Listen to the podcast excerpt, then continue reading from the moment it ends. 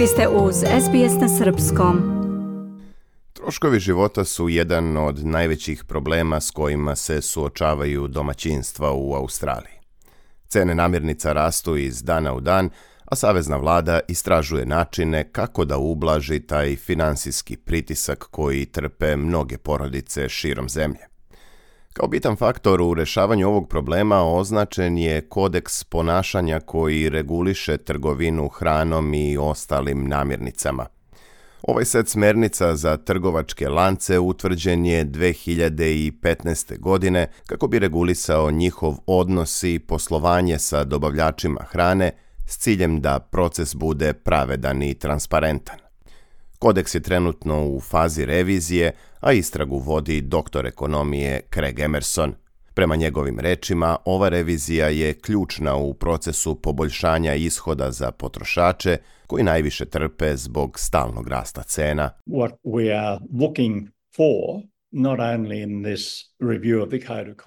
Ono što tražimo ne samo u ovoj reviziji kodeksa ponašanja, već i u drugim inicijativama koje je objavila Savezna vlada, je da li se može uvesti veća konkurencija u prehrambenom sektoru. Konkurencija je od ključnog značaja na ovom tržištu, a njeno regulisanje je deo šireg pristupa koji razmatra postoje li načini da se poveća konkurencija među supermarketima u Australiji, kaže Emerson. Ovaj ekonomski stručnjak navodi da je kodeks za sada dobrovoljan, ali i dodaje da bi to uskoro moglo da se promeni.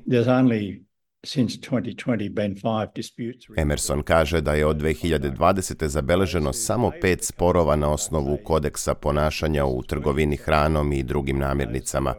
Oni koji podržavaju kodeks smatraju da je to rezultat toga što on dobro funkcioniše, dok oni koji se zalažu za obavezni kodeks ponašanja kažu da je tako malo sporova bilo samo zato što se dobavljači plaše da se obrate arbitraži kako njihovi proizvodi ne bi nestali sa polica supermarketa.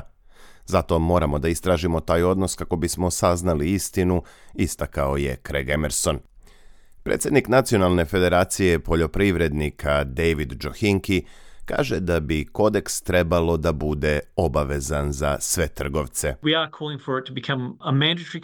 Tražimo da kodeks postane više obavezan nego dobrovoljan, čisto da bi postojao jasan pravni put za odnose koje reguliše, kaže Johinki. Prema njegovim rečima, to je samo jedan deo slagalice u poboljšanju stanja u lancu snabdevanja u Australiji. Johinki upozorava da treba biti veoma oprezan kako se revizija kodeksa ne bi tretirala kao čarobna formula za rešavanje problema rastućih cena hrane.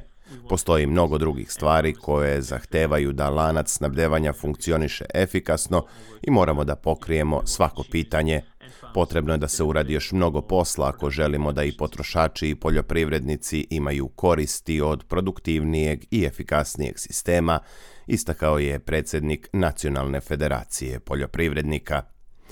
Za to vreme Australijski savet za hranu i namirnice nije odgovorio na zahtev za komentar započete revizije, u okviru koje će se primati prijave sve do kraja februara piše Ranija Jalop za SBS News. Moje ime je Branko Cvetojević. Ostanite uz program na srpskom. Želite da čujete još priča poput ove? Slušajte nas na Apple Podcast, Google Podcast, Spotify ili odakle god slušate podcast.